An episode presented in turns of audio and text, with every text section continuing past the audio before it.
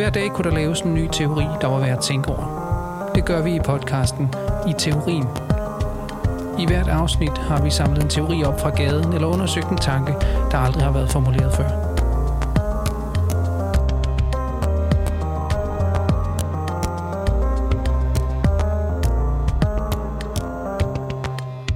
Vi kan også prøve at starte i en sådan helt, på den helt lette måde og sige, at, øh, at der måske bare er forskel på grænser og skranker, og så tager vi det lidt hen ad vejen, hvad det er, sådan mere specifikt, vi tænker på. Okay, vi lader som om, at det ikke er kant, vi har det fra. Ja, Det kan vi godt prøve. men altså, så på... Så, ej, vi lader ikke som om. Altså, nu er det jo sagt på en eller anden måde. Så. Jamen, altså, vi, vi, der findes to ord for noget, der har at gøre med at sætte en stopper for noget, kunne man sige, ikke? eller etablere en adskillelse, hvor det ene ord er en grænse, og det andet ord er en skranke. Og vores øh, sådan for, startpunkt, det er på en måde egentlig bare at prøve at undersøge, hvornår det giver mening at anvende de to ord. Hvornår det ene ord er passende, og hvornår det andet ord er passende, kan man sige. Ikke? Ja, også fordi det at bruge det ene og det andet ord, altså giver nogle forskellige øh, muligheder, sådan rent handlemæssigt faktisk. Ja. Eller vi vil sige, at det hører til i udgangspunktet to forskellige sådan, øh, handlesammenhænge. Der er to forskellige ting, man sætter i værk ved enten at sætte en grænse, eller markere en skranke. Mm. Ja, og, og hvad, hvad betyder de to ord, så hvis de, skal, hvis de skal på en eller anden måde forklares sådan helt rudimentært, så vil de betyde, at at sætte en skranke op for noget, det er at sige, at herom, her går der en skillelinje, hvor der ikke er noget på den anden side. Der er ingen muligheder eller nogen spørgsmål, eller noget. det er bare sådan her, det er, og det stopper her. Ja, den er absolut. Det- ja, det kan man sige, ja. Mens en grænse har den øh, karakter, ligesom det er, når vi bruger ordet grænse i almindelig dagligdags sprog, ikke? at en grænse etablerer en skillelinje imellem noget og noget andet. Altså, så hvis der er en grænse mellem Danmark og Tyskland, så vil sige, at grænsen ligger der. Så på den ene side er vi i Danmark, det her, og, på den, og så er der en grænse, og på den anden side ligger Tyskland. Hvis, der, hvis vi havde etableret en, en skranke, så havde det ikke været mellem Dan- Danmark og Tyskland, så havde der kun været Danmark. Så var der ikke andet, kan man sige. Vi så har gjort det svært at sige, at der overhovedet var noget, der var Danmark, men det er ja. lidt mere kompliceret. Jo, jo, men, og jeg tror bare lige, vi skal lige dvæle lidt ved det her, fordi der er nogle ting i begreberne, som øh, måske kan drille lidt, og også i forhold til den øh, sprogbrug, vi sådan har øh, øh, til daglig. Altså, fordi nogle gange vil man sige det der med, at du har overskrevet mine grænser. Mm.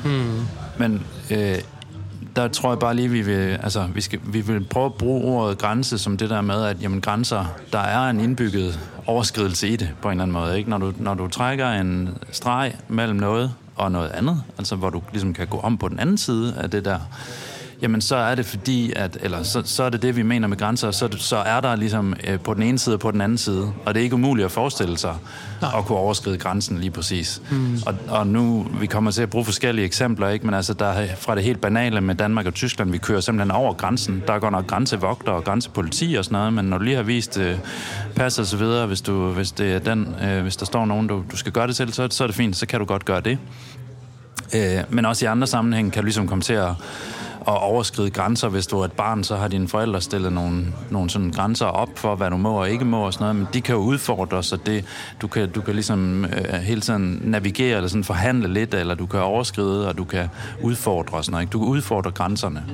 Så i den forstand er de ikke øh, en markering af, at her er der helt fuldstændig lukket, Nej. eller at det vil være uafvendeligt, hvis du går om på den anden side. Mm. Du kan, du kan, altså de fleste grænser er på den måde sådan nogle øh, grænser til forhandling et eller andet Men sted. Ikke? hvor, hvis du tager fat i det, der, du sagde før, ikke, at du har overskrevet mine grænser, så, så måske kunne man illustrere det også ved at sige, at i sådan, øh, for eksempel det, der hedder at flirte, det er på en måde i en vis forstand faktisk at overskride en grænse. Altså, Ja. det, det er at sige, jeg gør noget her, der i en vis forstand egentlig er lidt upassende, men jeg, jeg leger lidt med grænsen for, ja. hvor det egentlig er passende for mig at øh, henvende mig til dig, eller sige noget til dig, eller antyde noget, som altså kunne blive mere og mere eksplicit, eller øh, altså småperverst, eller sådan et eller andet.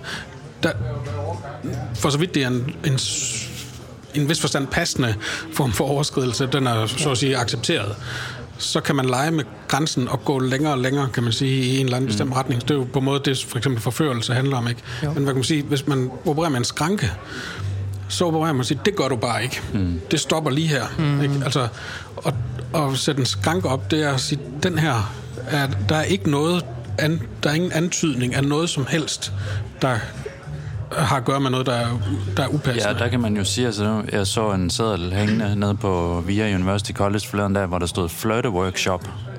At, øh, og nu jeg jo Hvad er det for et sted?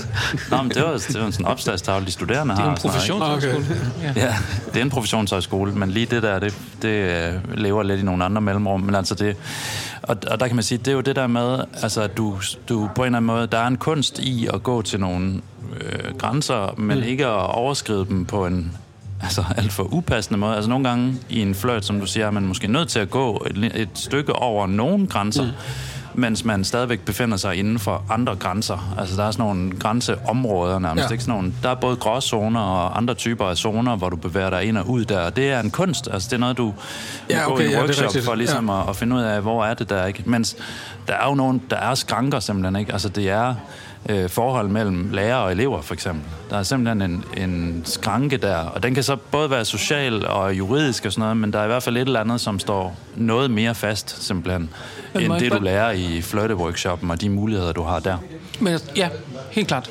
Jeg tror bare lige, at måske det også faktisk til at starte med meget godt og lige sige, hvorfor overhovedet egentlig ville udvikle sådan noget som, eller ville tale om sådan noget som forskellen på de begreber. Altså man kan måske sige, det vi overordnet, øh, eller grundlæggende måske endda går efter, er at forsøge at sige, vi står på et felt og ser en slags markering, en barriere af en art. Ikke?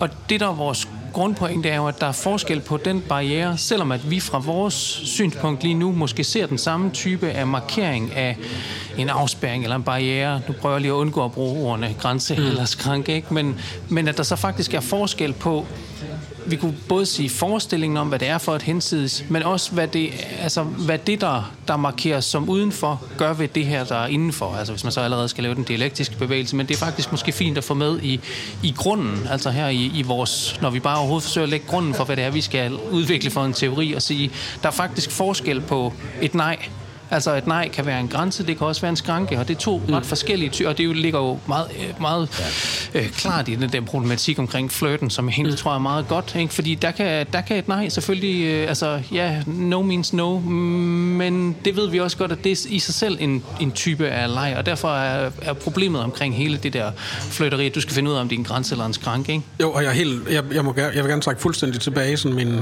min øh, ironiske kommentar til den med flirte work- workshop, fordi det giver jo enormt god mening at sige, mm.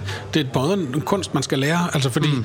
det, der er så uretfærdigt, det er det, som for den ene er uskyldig fløjt, eller måske netop ikke så uskyldig, men altså som mm. er en fløjt, som fungerer, og som på en måde næsten er ønsket, eller øh, i, i en eller anden forstand passende i en situation. Nøjagtigt den samme handling, eller den samme ja. sætning, eller sådan noget, kan være en fuldstændig utilladelig plump Yes. overskridelse af en skranke. Yes. Øh, og det kan virke uretfærdigt for den, der ikke rigtig har lært, eller har været med på den der workshop. Så jeg gjorde jo ikke noget andet end, end det, som mm. ham den anden gjorde lige før. Mm. Men du gjorde det forkert. altså, så mm. du har overskrevet en skranke, som ikke, hvor der ikke er noget på den anden side. Der er bare et nej. Ja. Og når, når man siger det der med, når, når en kvinde siger nej og bla bla, alt så er det fordi, man taler inden for fl- f- grænserne for fløjt. Men ja. det betyder ikke, at der ikke kan være en skranke, hvis man pludselig selv inden for det der felt, ikke kan man sige, begynder at gøre noget, der ikke mm. fungerer, eller ikke er passende, eller Ja, ja, og, og og derfor... nej betyder et nej. Selvfølgelig, og også bare lige for at sikre, at jeg heller ikke selv fik sagt noget, der kunne misforstås. Det, det er, står jeg selvfølgelig...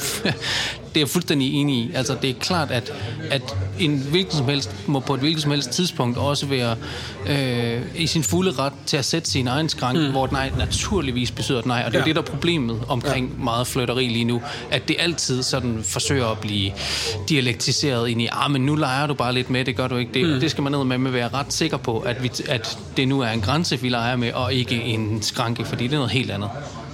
Altså, bare for den sidste, sådan i sadomasochistiske ritualer, det er jo derfor, man har de der stopord, ikke? Yes. Stopord, det er etablering af en skranke, Ja. og alt det andet, det er på måde grænser, og siger, yes. øh, jeg, jeg gør alt muligt, og jeg siger, bliv væk fra mig, eller mm. kom aldrig nær mig igen, jeg hader dig, og sådan noget. Mm. Det gælder ikke, men hvis jeg siger, hvad ved jeg, et eller andet fisk, eller sådan et eller andet, så stopper det der. Ja. Det er det, der er aftalt. Men, og, det, og der tror jeg godt, man kunne lave sådan en samtidsanalyse, der handler om det der med, at vi leder efter stopordet, eller vi leder efter måder at genopfinde stopordet. Altså fordi der er sket noget i vores måde at opfatte hinanden på, og den måde, vi tænker om, øh, hvordan mænd og kvinder er sammen i forskellige rum og på forskellige måder, som gør, at der er kommet, altså, det vil alle sige, ikke, en større bevidsthed om, hvad man egentlig, altså, hvordan man egentlig agerer i det der, især som mand og sådan noget, ikke? Der er et eller andet der, vi skal være mere opmærksom på simpelthen, og derfor er det, altså, derfor er det en god idé med flirte-workshops og sådan noget. Og det betyder også, at, at øh, selve skranken er, kommer i spil. Altså, hvor, hvor skranken har været et andet sted i øh, 50'erne, mm. og har været et andet sted i 70'erne. Der har været en skranke hele vejen igennem. Den har bare været forskellige steder, så at sige, eller den har formateret vores sociale muligheder på forskellige måder i 50'erne og 70'erne, og så igen i dag, fordi der simpelthen er sket nogle ting, og det måske svært lige at lave den helt udtømmende analyse, bare sådan lige on the spot, ikke? men der er et eller andet omkring det der, og som også fører ind i samtykke lovgivning og så videre. Altså, mm. hvor, hvor er det, at hvordan er det, vi skal genopfinde skranken på en eller anden måde, sådan så det faktisk bliver nemmere for os at, at øh, lege med grænserne. Ikke? Altså, der, der er en eller anden dialektik mellem de der ting, som, øh, som er til genforhandling. Jo, dem, som øh, ofte taler ud fra et reaktionært øh, øh, synspunkt, og nogle gange næsten misogynt synspunkt, ikke? Altså, som kritiserer samtykkelovgivning for at have afskaffet alt, hvad der er af frimodighed og flirt og alt det der, ikke? De har en, en pointe i den forstand, at der er en leg med grænser, som er konstituerende nærmest for, at der overhovedet er forførelse eller erotik mm. eller sådan noget. Der, hvis ikke der er en eller anden form for grænseoverskridelse, så vil der ikke ske noget. Eller det er en grænseoverskridelse og, og ja. hvad man siger, have så, så intim en kropslig forbindelse, som man har for eksempel i et samleje. Mm. Det er klart, det er en, en overskridelse. Og alt det, der fører derhen, handler om den overskridelse, kan man sige. Men derfra så til at sige, at der ikke må være en eller anden måde at etablere en regel for, hvordan den øh, overskridelse, så at sige, kan sanktioneres. Øh, det, er ikke, øh, det er ikke det samme. Nej, og pointen er selvfølgelig også, at de to overskridelser kan se fuldstændig ens ud, men i det ene tilfælde kan det være en skranke, og ja. i det andet tilfælde kan det være en grænse. Ja. Og det er vel også derfor, at, altså, som jeg sagde til at starte med, altså, at, at der er noget fra, fra øh, det synspunkt, man kan anlægge inde for den øh, barriere, der er sat af en skranke eller en grænse, hvor de to ting kan ligne det samme. Mm. Og, og jeg tror, Brian har ret i at sige, så, så forskellen er også at finde ud af, hvad det er for nogle stopord, vi på en måde ja. nu har fået udvandet, eller sådan har fået relativiseret, og sådan, jo, du siger lidt nej, men du mener vist heller ikke rigtig nej. Og man kan sige, nu kommer det her til at lyde, som om det alt sammen handler om forførelse og alt muligt andet, men at, at det i virkeligheden måske lige så meget et spørgsmål om for eksempel at sige, at det ikke også det, der er, er en del af vores politiske problem lige nu i forhold til sådan noget som vækst? Altså, skal der være grænser for vækst? Og sådan, åh, men det kan vi forhandle lidt, og det kan vi... Det... Hvad er stopordet, ikke? Ja, præcis. Ja. Hvad er stopordet, ikke? Jo. Hvor, altså, ja, hvor er skranken? Ja, og, nej, undskyld, men nu, jeg, jeg, det, det, det, jeg tror da bare, det kommer til at sidde i mig, hvis ikke jeg lige får det artikuleret, fordi der er jo lige præcis den der omvending i samtykkelovgivningen, som er interessant, og som man kan kritisere, at man kan gøre alt muligt, men at der er en omvending i, det er ikke et stopord, vi taler om. Vi taler om fraværet af et tilsavn, som er det, der nu kan konstituere en voldtægt, kan man sige, ikke? Ja. Øhm, så men, men det, som retssager handler om i voldtægtsretssager, det er jo stadigvæk altså spørgsmål fortolkningen om, hvad konstituerer så et tilsavn, kan man sige, som er, er det den positive version af det stopord, altså at sige et ja-ord.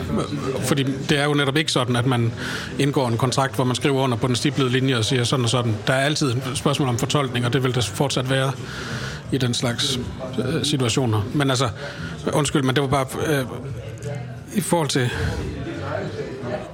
andre steder, hvor kunne man sige, at lad os nu sige, at vi taler om sådan en generaliseret problematik omkring grænsedragning, så er der den, man, kunne man ikke sige, at i forhold til grænser for vækst, at der på en måde er der en form for flirt næsten med, mm. med hvor ligger grænserne for, hvad vi kan tillade os mm. i vores forbrug, i vores øh, industri, i vores øh, trafikregulering, i vores rumrejser, i alt muligt. Øhm, og den flirt er stadigvæk en flirt, der på en måde ikke respekterer ja. en absolut afgrænsning.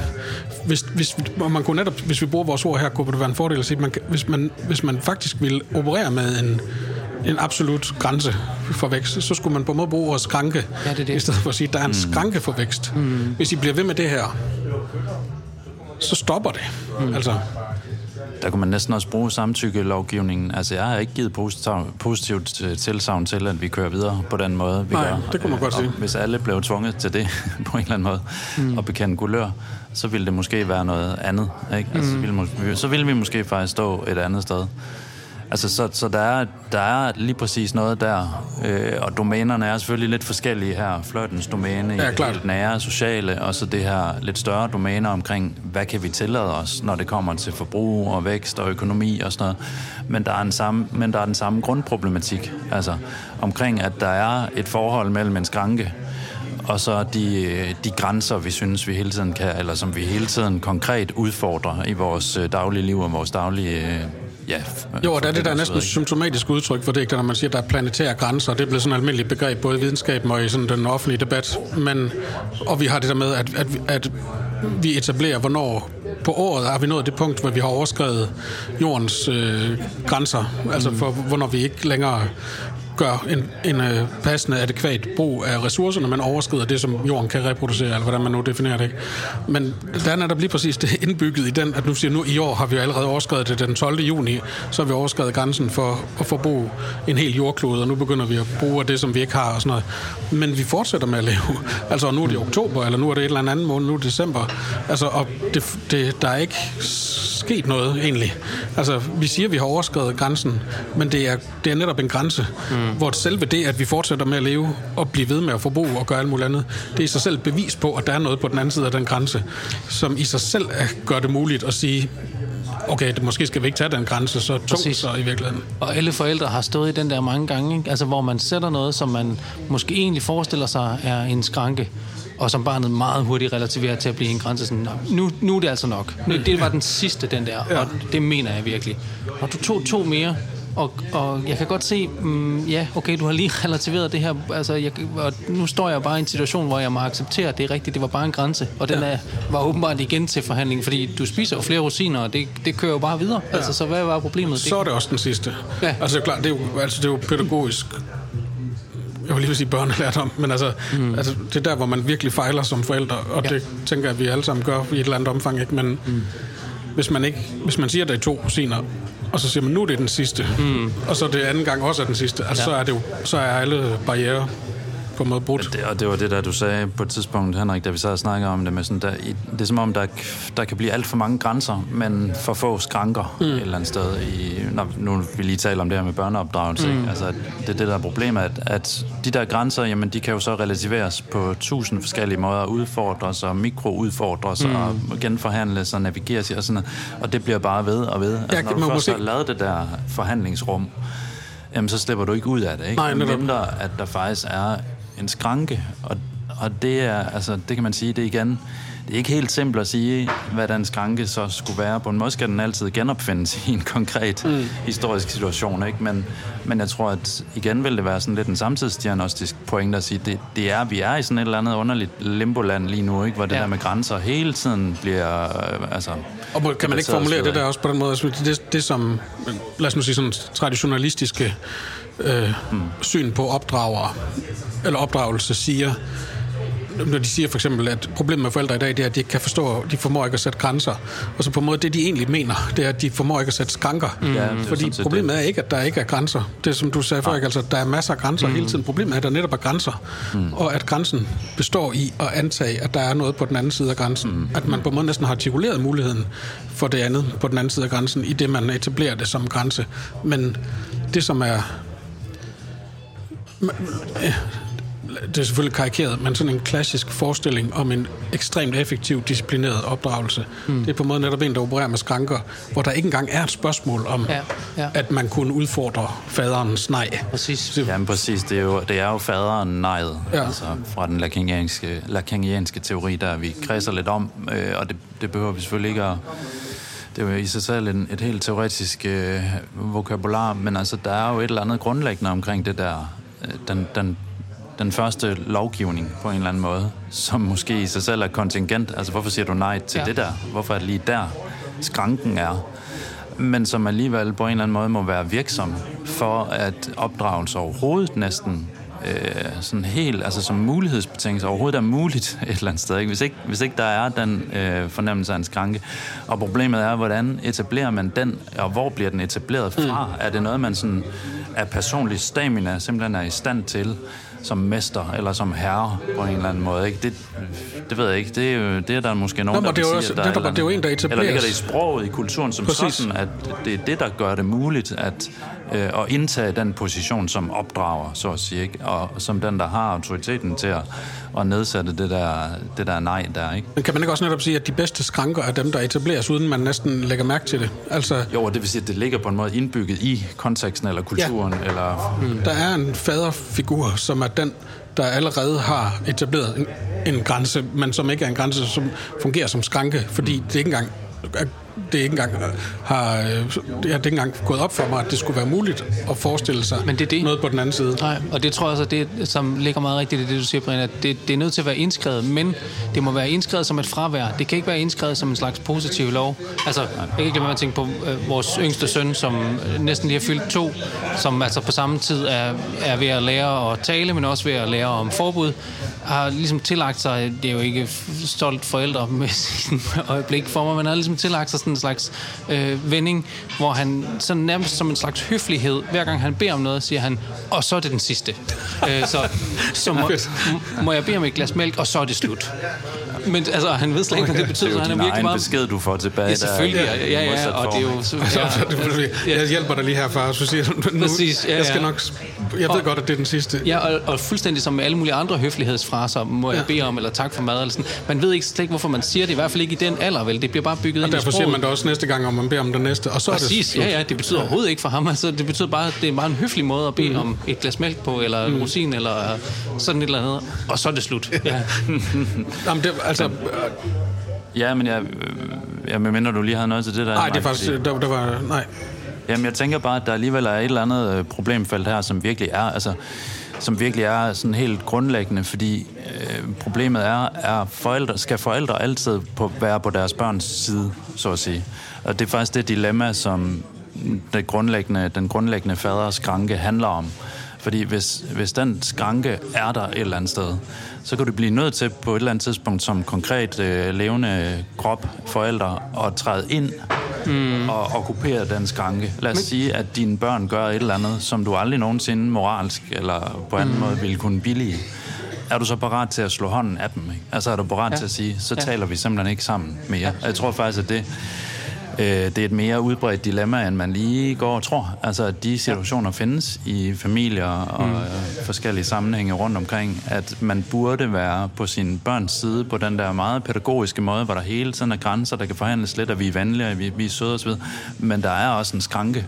Og det Præcis. kan vise sig øh, lige præcis øh, juleaften, eller mm. det er jo som regel sådan nogle højtider, at øh, hvad ved jeg, tingene øh, spænder helt ud af kontrol, og der er nødt til at være en skranke. Men måske og er der er den konkrete person nødt til at gå ind og okkupere rollen som den, der sætter skranken, ikke? Ja, og jeg tror faktisk, at jeg tror, at du tegner et meget godt billede der, fordi som du siger, hvis du altid skal være på dine børns side, ja, så kan du faktisk nærmest garantere kategorisk, at så kan der kun være tale om grænser. Fordi så står ja. I fra det samme perspektiv og kigger ud på den grænse, Præcis. og kan derfor på samme vis også forestille jer ja. et hinsides, og hvad betyder det så, hvis du alligevel gør det? Jeg siger nej til Kunne det, men du gør et det alligevel. Og, vi, altså, præcis. kan jeg kan bare pege på de ja. grænser, som gælder lige meget for dig og for mig. Altså vi er på en måde på et lige forhandlingsniveau, og derfor kan den øh, relativeres, dialektiseres osv. Nej, ikke dialektiseres. Den kan relativeres ja. i hvert fald inden fra den, fordi der netop ikke rigtig kan sættes et, et absolut udefra. Hvorimod, at, at du faktisk er nødt til ikke at være på dit barns side mm. for at sætte øh, skranken. Mm. Og måske kunne man endda så øh, tage den et skridt videre og sige, hvis der egentlig skal kunne være tale om en kærlighed til dit barn, en egentlig kærlighed, ja, så er den faktisk nødt til at kunne etablere et egentligt indenfor og et egentligt udenfor. For ellers bliver den betingelsesløs. Altså ikke ubetinget i den gode forstand, men netop betinget på ingenting.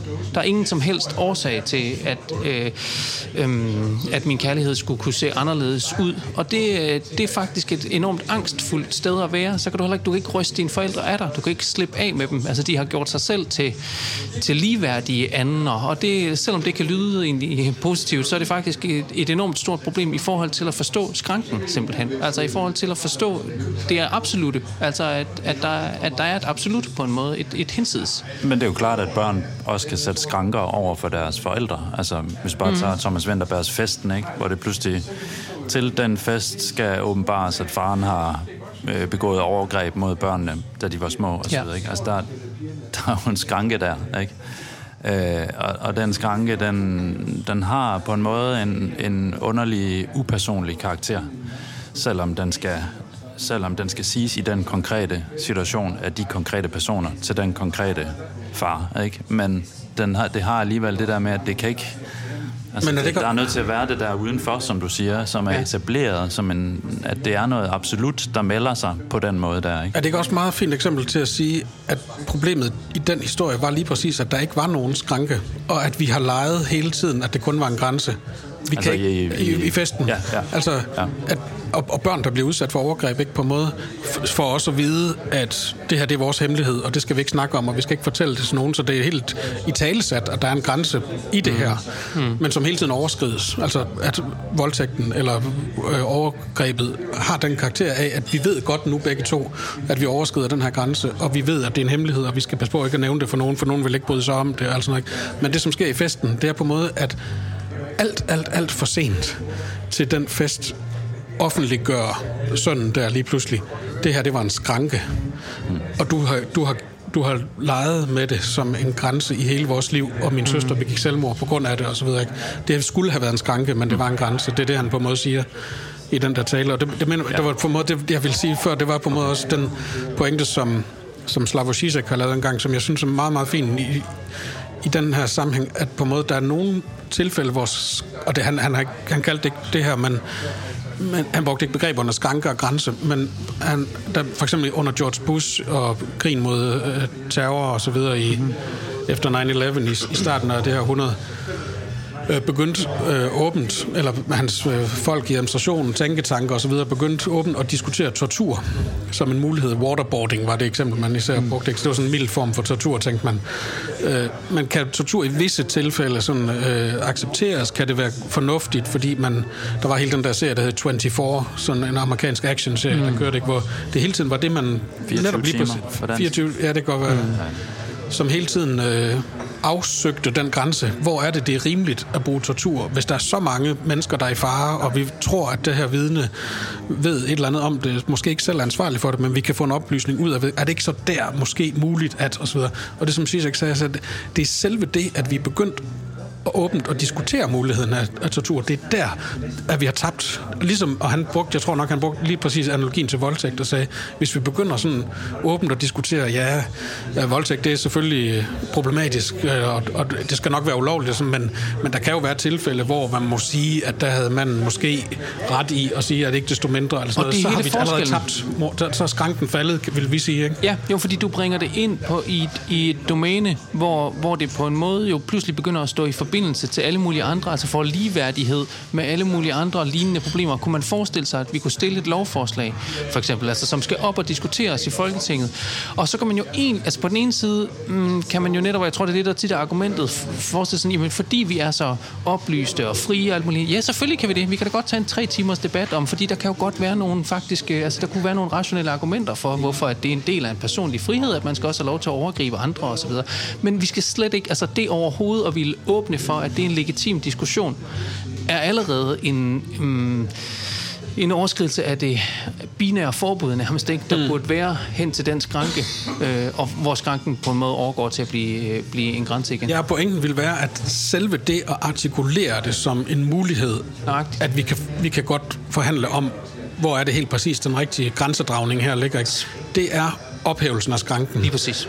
Og, altså, og det er der, så at sige, den moralske katastrofe ligger, at så snart vi begynder at diskutere muligheden af tortur eller voldtægt eller et eller andet legitimering og sådan noget, så har vi så, har vi, ja, så, er det, så er der en form for moralsk forlit, der er konstitutiv for den debat, som du forestiller dig så med, man kunne have i, i Folketinget der bagefter. Ikke?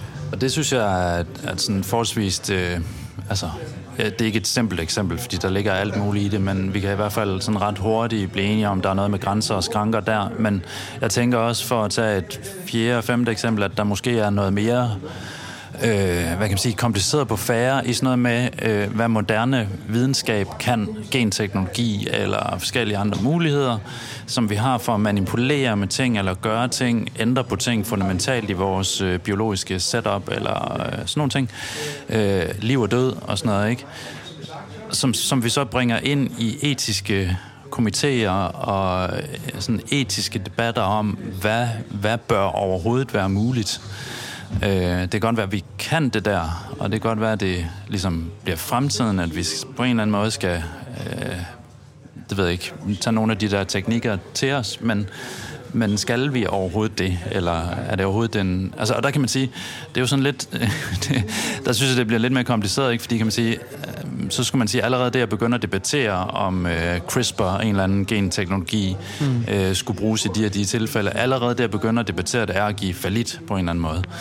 Jo, men, men give falit i forhold til hvad? Hvis vi ikke, hvis vi ikke diskuterer det, altså fordi videnskaben, eller sådan den, den teknologiske udvikling, skulle man måske hellere sige, ikke mm. videnskaben som mm. sådan, men udviklingen sætter et eller andet pres på os, den, den på en eller anden måde øh, presser os op imod nogle, nogle steder, hvor, hvor der egentlig havde været skranker før, som var sådan mere eller mindre naturlige i citationstegn. Vi, vi kan ikke gøre det der, så det giver ingen mening at forestille sig sådan og sådan. Nu kan vi faktisk gøre nogle ting, øh, som vi ikke kunne før, og som, som vi måske før, eller som nu plus, pludselig viser sig, at der er, sgu noget, der er et skrankespørgsmål her. Ikke? Er det en mm. skranke, vi rent faktisk er vi nødt til at oprette en skranke, kunne man måske sige? Ja, altså, fordi vi på en måde har en sådan spontan fornemmelse af, at her burde egentlig være en skranke. Der har altid været en naturlig barriere, nu, nu mm. burde der måske være en skranke. Eller hvad? Eller mm. skal den skranke rent faktisk blive til en grænse? Som vi så hele tiden må ligge og, og navigere i forhold til at udfordre og, og undersøge, så at sige. Ikke? Ja, der kan man jo sige, at, at videnskaben accepterer ikke skranker. Nej, øh, det, tror jeg også. Øh, men har som sådan sit grundlæggende modus, kan man sige, at hvis der er noget på den anden side af det, vi kan, ja. så vil vi prøve på at finde ud af, hvad det er. Ja, ja, om det så kan føre til atombomber, eller til, ja. hvad ved jeg, alverdens ødelæggelse. Altså, vi er nødt til at finde ud af, hvordan de der atomkerner, de fungerer. Ja. Og, det og derfor så kan, så kan man, og, og det, man sige, det på en måde det er jo en konservativ holdning at sige, at vi må have nogle skranker indsat, så for at sige, at vi skal ikke manipulere med det og det, eller vi skal ikke begynde at lave genteknologi, der kan frasortere de usunde æg og alt sådan noget. Men videnskaben nægter at anerkende den der skang. Men det er en konservativ holdning at sige, at den kan nogle gange være forkert, men den, det er, ikke desto mindre er det en, en, en, en ægte, så ja. en genuin moralsk problemstilling at diskutere, hvor sætter vi, hvor skal den skranke etableres. Fordi mm. hvis ingen skranker der er, så er, så, øh, så, så er der en, en form for... På en måde mister vi vores subjektivitet, eller noget af den ja, stil. Ikke? Altså, vi mister simpelthen muligheden for at kunne øh, ja, fravælge, kan man sige, men det lyder sådan lidt reaktionært, men i virkeligheden også muligheden for at kunne vælge mm. andre versioner af, hvordan verden skal indrettes eller se ud, eller hvilke retninger vi overhovedet skal gå i. Jeg tror faktisk lige præcis, det taber subjektivitet også var derfor, jeg mente, at det udelukker kærligheden på en måde. Altså, ja, det, det var det, ja, men der var et eller andet med det eksempel, som, ja, mm. som måske stadigvæk øh, kan foldes mere ud, ikke? Altså, at, jo.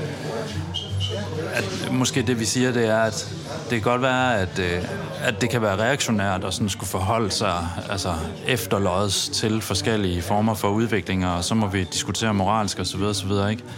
Altså, det kan godt være, at der er et eller andet reaktionært i det, men det er, det der, det er den der pointe, pointe om, at der er skranker et eller andet sted. At den er på en eller anden måde også, den, den bliver nødt til at være animerende på men, en eller anden måde, for det vi overhovedet kan tænke og vil tænke. Præcis, og det tror jeg faktisk er meget, meget vigtigt, fordi det her kunne også hurtigt komme til at lyde som om, at vi på en måde gerne vil indsætte en skranke før grænsen. Altså, jo, men, men der er nogle ting, vi, vi helst ikke vil have, vi skal snakke om, altså i forhold til genteknologi, eller i forhold til bombeudvikling, eller sådan et eller andet, som sådan, det synes vi altså ikke. Vi må lige konstituere, altså sådan forhandle os til, at vi indsætter en skranke før. Det er jo det er absolut næsten det modsatte, fordi jeg tror faktisk, det overhovedet at operere med skranker faktisk er at være gået til grænsen, så at sige. Altså det, det er virkelig at, at, at følge en bestemt logik helt til sin, ja, helt til sin ende, og, og, og blive ved med at forestille sig, at der kun er grænser og forhandlingspunkter, og, øh, relativeret forhold osv., mm. er både at slippe af med subjektiviteten og kærligheden osv., men, men jo netop også derfor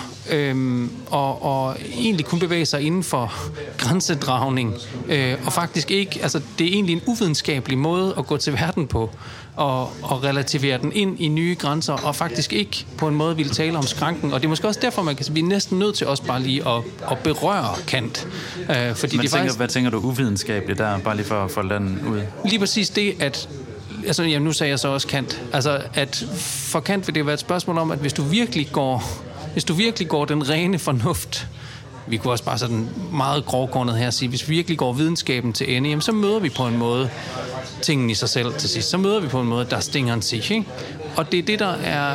Mm, selvfølgelig, det er jo også det, der bliver motoren for en slags videreudvikling af videnskab eller filosofi, øh, tænkning i det hele taget. Mm, og hvis vi bliver ved med at forestille os, at mm, der kun er relative grænser inden for hvilket vi sådan kan lave et nyt forskningsområde, eller øh, underdele endnu mere, hvad vi allerede ved osv., og at det er det, vi bare skal have begrænset inden for den allerede etablerede erfaringshorisont næsten, så, så, øh, så er der faktisk et egentlig genuint videnskabeligt moment, et egentlig genuint subjektivt moment måske, som, okay. vi, som vi sidder og overhører i. Og derfor tror jeg, at skranken netop ikke bare er, som du siger, en reaktionær eller måske konservativ forestilling om, nu skal vi altså heller ikke, jeg synes ikke, vi skal snakke om voldtægt, men at, at, det, at, at det faktisk er, det faktisk er øh, næsten inden for logikkens egne præmisser mm. en nødvendig betingelse for overhovedet at kunne forestille sig en videreudvikling af videnskab, kærlighed. Jeg tror, du sagde en masse ting der, som vi, som vi skal bruge lidt tid på at folde ud, og som, øh, som der ligger en masse filosofisk øh, gods i et eller andet sted, ikke? Men i virkeligheden, det er det måske Altså, jeg tænker, i min oversættelse, det der var fat i der, ikke, det handler om, at der er nogle grænser for, eller det handler om, hvad det vil sige at erkende, og at der kan være nogle grænser for erkendelsen. Når jeg nu lige tænker på, hvordan man sådan normal, normaltvis bedriver videnskab og undersøgelser i sådan, en, sådan et nutidigt normalt videnskabeligt paradigme, så er der ikke sådan umiddelbart en tanke om, at der skulle være nogle grænser for erkendelsen. Det er jo det, er jo det du siger, ikke Anders? Altså, man tænker bare, jamen vi laver et undersøgelsesdesign her, og så har det nogle styrker og nogle svagheder, men der er ikke nogen tanker om, er der faktisk noget, vi simpelthen ikke kan erkende overhovedet? Eller er der en grænse her? Nej, altså videnskaben arbejder bare med nogle små klodser af viden, øh, og her har vi en lille pæn klods, og den kan vi stille oven på en anden klods, ikke? så kan vi bygge op, og til sidst kan vi sige noget om atomer og alt muligt forskelligt, øh, som kan føre alle mulige steder hen og udnyttes teknisk til alle mulige forskellige ting. Ikke? Men, og hvis du bare gør det, så havner du aldrig i det punkt, hvor erkendelse skærer subjektivitet, så at sige, hvor man tænker, hvad fanden er det egentlig, vi har gjort? Ja. altså, hvor, hvorfor var det, vi skulle herhen? Eller hvorfor havnede vi her? Hvad, hvad var det helt store formål? Eller mm. hvordan var det lige, det hang sammen med, hvad vi overhovedet øh, ville, eller skulle, eller begærede, mm. eller noget i den stil, ikke? Mm. Øh, så, så, så det vil sige, at man mister, man, man mister subjektivitet, ikke sådan i når min personlige vilje eller intention eller sådan noget, men i, i, øh, i betydningen af, at vi jo nogle gange simpelthen overrasker os selv som mennesker i det, vi kan og gør. Øh, og hvis vi ikke opdager det, altså det er på en måde også en, sådan en indre grænse, grænse i erkendelsen selv et eller andet sted, ikke? At, at vi kan opdage ting, vi ikke vi ikke vidste, at vi kunne få fat i. Og, og det ja. er det subjektive moment, ikke? Og det må vi forholde os til moralsk, politisk, øh, på alle mulige forskellige måder. Og jeg tror virkelig, det gælder alle de forskellige domæner, vi har talt om, at hvis du virkelig går til enden med flirtens kunst, eller med opdragelsen, eller med hvad det måtte være, så kan du godt belægge en del af det sådan nogenlunde videnskabeligt og sige, vi, vi ved det og det, og det er godt at gøre sådan og sådan. Men der er også en, altså der er et sted, hvor man på en eller anden måde øh, kommer til kort, rent logisk videnskabeligt. Altså der er, der er et eller andet sted, hvor der bare er noget mere på spil, som kun kan adresseres. Det betyder ikke, at det ikke kan adresseres, men som kun kan adresseres øh, i betydningen af, at det får betydning for, for mine handlinger på en eller anden måde mere mm. direkte, eller for min øh, kærlighed i mm. opdragelsen, eller for hvad det nu måtte være. Mm. Jeg, jeg, jeg, jeg tror på en måde, vi er ved at tegne noget frem, der har at gøre med, at der, fordi vi har talt lidt om at sætte en skranke, på en måde, ikke? altså at sige, at vi etablerer en eller anden barriere på den anden side af hvilken der ikke er noget at komme efter, og der bør ikke være noget at komme efter. Men på en måde, jeg ved ikke, om man kan tale om kontinuum, men der er i hvert fald på en måde en vis form for vilkårlighed i nogle skranker. Man kan sige, jeg sætter den her skranke og siger, Nixon, Bixen, det der, det gør du bare ikke, eller det er ikke engang et tema, at du gør det, fordi det, er, det har vi etableret, sådan gør man ikke her i vores familie. Øh, og den skranke fungerer, hvis den ikke bliver adresseret, kunne man næsten sige, ikke? Men derfor er der et stykke vej til, når vi taler om Kant for eksempel, ikke? og grænser for øh, erkendelsen. Altså, at de skranker, som Kant opererer med, de har at gøre med, at der, det, er, der er, det er umuligt. Altså det, det er ja. logisk og erkendelsesteoretisk og filosofisk osv. umuligt at etablere noget som helst, så der er en illegitimitet i at gå på den anden side af skranken. Siger Kant. Siger Kant. Hvilket er Kants, Kants lov. Ja, der, der er en illegitimitet i at gå på den anden side af skranken, fordi man så går uden for, græns, øh, ja, uden for grænsen af, hvad vi overhovedet kan sige noget om. Mm. Så det er en umulighed, der man kan sige, hvis vi har en eller anden opdragelse, vi er helt tilfældigt etablerer jeg, at du får kun en småkage, mm. og så siger vi, der er en skranke der, så, så du kommer ikke engang på at sige, og så er det slut, fordi det er bare slut, det ved vi, at det er. Så er der en skranke, der fungerer, men det kunne lige så godt have været fire småkager eller syv småkager, og sådan er det ikke for kant med skrankerne. Det, som kan vil sige med skrankerne, det er, at der er en skranke for, hvordan vores forstand kan fungere, sådan at den kan udsige noget, eller etablere noget om ting, som, eller begivenheder eller fænomener, eller som den påstår at kunne sige noget om. Og det, grænsen går præcis der ved, netop ved fænomener. Mm. Og hvis forstanden begynder at påstå noget om ting, der eksisterer, men som ligger hinsides det, vi kan konstatere i vores erfaringsverden, så det går vi fra at sige noget om fænomener til numina. Så påstår man noget om det, som kan kalde tanketing. Mm. Altså tomme begreber, der ikke har nogen ekvivalent eller noget sted at blive modsagt, eller netop altså modsvaret, eller kan man sige, øh, fundet mm. i, den, i erfaringsverdenen. Så begynder man at udtale sig om sjælen, om Gud, og, og det absolute verdens begyndelse, og så Men, Ja, og nu tror jeg virkelig, du har fået præciseret noget, fordi det, det lå sådan lidt i det, som, som øh, vi forsøgte, Brian, at sige noget om før, men, men jeg tror virkelig også, du med Kant måske har, har, har fat i, at, at øhm, hele forskellen ligger i, hvilken rolle det umulige spiller. Mm. Altså, øh, når vi henholdsvis sætter en grænse eller en skranke. Og det er også derfor, at det faktisk har noget at sige i forhold til moderne videnskab. Altså, hvilken rolle spiller det umulige? Er det bare et mulighedsrum, vi endnu ikke rigtig har fået øh, ja. uddraget, eller vi har ikke lige fundet et fint nok elektronmikroskop til at, at, at finde de, de sidste små ting? Eller er det faktisk en, en absolut kategori? Altså, er umuligheden en slags motor, der ikke bare sådan, øh, vi skal lige have det talt frem, vi skal lige have det fundet, vi skal lige have fundet de rigtige frekvenser og have stillet helt skarpt på det, og så kommer det med ind i sådan, altså, jo en fantasi om udtømning. Ikke? Og det er faktisk det, jeg mener er uvidenskabeligt. Ja. Altså øh, det egentlige videnskabelige moment faktisk består i at øhm, tage fat i den der kantianske skælden og sige, nej, det er umuligheden, der, der egentlig opererer her. Altså, som er den, der, der skubber det videnskabelige arbejde frem, ikke som en endnu ikke realiseret mulighed, nej, som radikal umulighed. Men det er bare, problemet er bare, at videnskaben er ikke selv klar over det. Altså, nej. jeg tror, det, det er jo heller ikke tilfældigt, at det hedder sjælen og Gud og verden som mm. sådan der er de der point, øh, øh, hvad hedder det nu, øh, punkter, hvor vi når numenadets mm. niveau hos Kant, ikke? Altså fordi det, sjælen, altså det, det har jo ingen plads i videnskabens øh, rationelle, hvad kan man sige, akkumulative vidensopbygning. Det har ikke nogen plads, og alligevel bliver det ved med at spøge som en nisse, mm. som man ikke rigtig... Altså, hvordan skal vi komme omkring det? At når vi sådan med adfærdspsykologi, eller hvad det nu måtte være, siger noget om, hvordan vi mennesker fungerer, jamen så er der bare den udødelige sjæl. og det kan godt være, at det er, det er et gammeldags metafysisk øh, spørgsmål på en eller anden måde. Det er jo også det, Kant siger, at sådan, det skal vi slet ikke sige noget om. Men han får det alligevel sagt. Han får det alligevel markeret. Jamen, og det, det, det har, har jo også at gøre med, hvad hele Kants projekt er på en måde. Man kan jo sige, at, at uh, Kant bestemmer grænserne fornuften i kritik af den rene fornuft, ikke? og siger, at når vi kommer til det punkt, når vi begynder at tale om de her spørgsmål, de, de metafysiske idéer, så overskrider vi grænsen for, hvad vi kan sige med vores fornuft.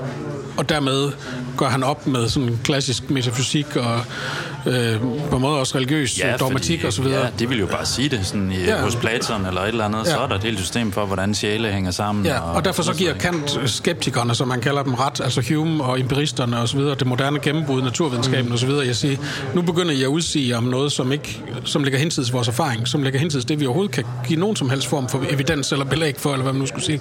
Men Kants projekt er samtidig, og det er det, som er hans øh, originale tanke, kan man sige, at forsvare de klassiske filosofiske, metafysiske spørgsmål imod øh, det naturvidenskabelige gennembrud, imod skeptikerne og empiristerne, og sige, I kan heller ikke bevise, at de ikke er mulige, eller at, de, at det umuligt kan lade sig gøre at forestille sig det, i det mindste som et spørgsmål, der ikke kan besvares. Præcis. Om der findes en sjæl, som er udødelig, om der findes en Gud, om verden i en eller anden forstand kan være absolut.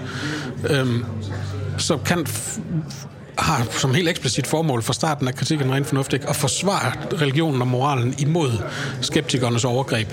Og det gør han på en måde ved netop at etablere den skranke og sige, vi kan ikke bevise sjælen, men det er lige så meget at overskride skranken og hævde, at man kan modbevise den.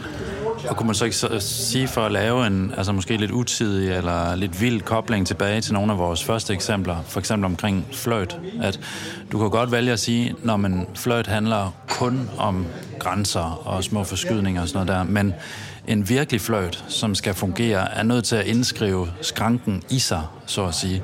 Så hvis ikke fløjten berører den andens udødelige sjæl, ja, så er det en fin nok fløjt, men så er det måske ikke en forelskelse, eller så er det måske ikke noget, der for alvor har fat i dig. Problemet er bare, at den er nødt til på samme tid at fungere som en skranke. Altså, du, du kan simpelthen ikke, du må ikke gå derud. Altså, det er, det er der skranken er. Og på samme tid er den nødt til at være i spil, i det, at du leger med de grænser.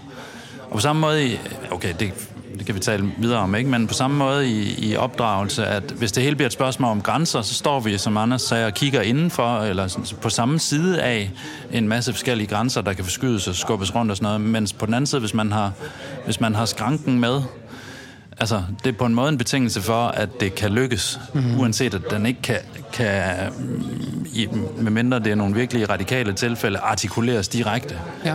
Ikke? Altså, det, men den er nødt til at være der, hvis det, hvis det rent faktisk skal kunne lykkes. Men er det ikke også på en måde, undskyld, man bare et problem, må jeg sige, at problemet er for det moderne øh, forældreskab. Det er på en måde det, der man siger på engelsk, you want to have your cake and eat it too. Ikke? Ja. Altså, man, man vil både operere med grænser og skranker. Og, og det var meget nemmere for den klassiske autoritære forældre eller far at sige, det er bare sådan her, og der er ikke noget på den anden side. Og hvis det endelig skulle være, jamen så er der i hvert fald en losing, eller også er der et eller andet, det der, som du snakker om før, hånden, øh... noget, noget helt radikalt. Ja, ja. Vi opsiger den her med vores kontrakt, så at sige. Mister havn. Eller... Ja. Men det, det som det moderne fællesskab på måde, vi ved godt, at vi er nødt til at etablere nogle skranker. Sige, det, det, du må ikke det her. Du må ikke gå ud på vejen. Det er farligt. Du bliver kørt ned. Eller du må ikke slå. Eller du må ikke, og du får heller ikke flere kære. Men, men vi, vi kan samtidig på en måde ikke frasige os den der solidaritet, eller den forståelse af kærlighed, som er mm. den, der tror på, at vi kan være på den samme side af det her, og vi på en mm. måde kan forklare vores børn, hvorfor det er sådan. Altså, jeg, jeg, jeg vil ikke være en fremmedgjort figur på den anden side af skranken, som etablerer et forbud, som barnet ikke kan forstå. Men der, øh, jeg tænker, der er den også den nuancering, eller måske øhm, det lille sådan snublende spring i det, at øhm, det betyder jo faktisk ikke, at man derfor som forældre for eksempel, eller som autoritetsfigur af en eller anden art, indsætter sig selv som en slags absolut autoritet, som siger, jeg har retten på min side øh, til at sætte den her skranke, og der, der er der en grund til, og bag den er min sanktionering, eller sådan noget i den retning. Men det er jo faktisk lige præcis er muligheden for egentlig at bringe noget umuligt med ind i sproget, nemlig sin egen impotens. Mm. Altså det faktisk er den eneste mulighed for at artikulere, hvor også min skranke er, ved at den på en måde kun kan eksistere som uartikuleret. Altså hvis jeg kan sige klart og distinkt, hvorfor det er sådan, så er det en grænse. Og så, og så kan jeg faktisk heller ikke indskrive min impotens i den. Og men det er fordi, hvis du bliver ved med at lege med kniven, så på et tidspunkt, så skærer du dig med den, eller sådan et eller andet. Det, det er faktisk ikke en skranke, altså. Det, Nej, det, er, det, det er en grænse, ja. og, og den har heller ikke indskrevet min impotens, fordi så kan jeg bare lægge viden ind i det, når man, det må du ikke, fordi sådan og sådan, og hvis alle gjorde det, så vil der ikke være alt det der. Men, men skranken er nødt til at kunne optræde som en negativitet, som, som på en måde er den negativitet, som det også er at sige, at jeg er selv et impotent væsen. Altså jeg er selv et ikke fuldkomment men væsen. Men det må bare helst ikke vise sig. Nej, men, og, det, og det er derfor, jeg tror, at der er et eller andet, som faktisk leder helt tilbage til Kant, for der har du også netop forholdet til, altså hvad er det, der kan der kan gøre, at jeg forstår noget ved min egen død og impotens, altså ved min egen finitude, min egen endelighed som et endeligt og dødeligt væsen, det er det infinite. Det mm. er det uendelige.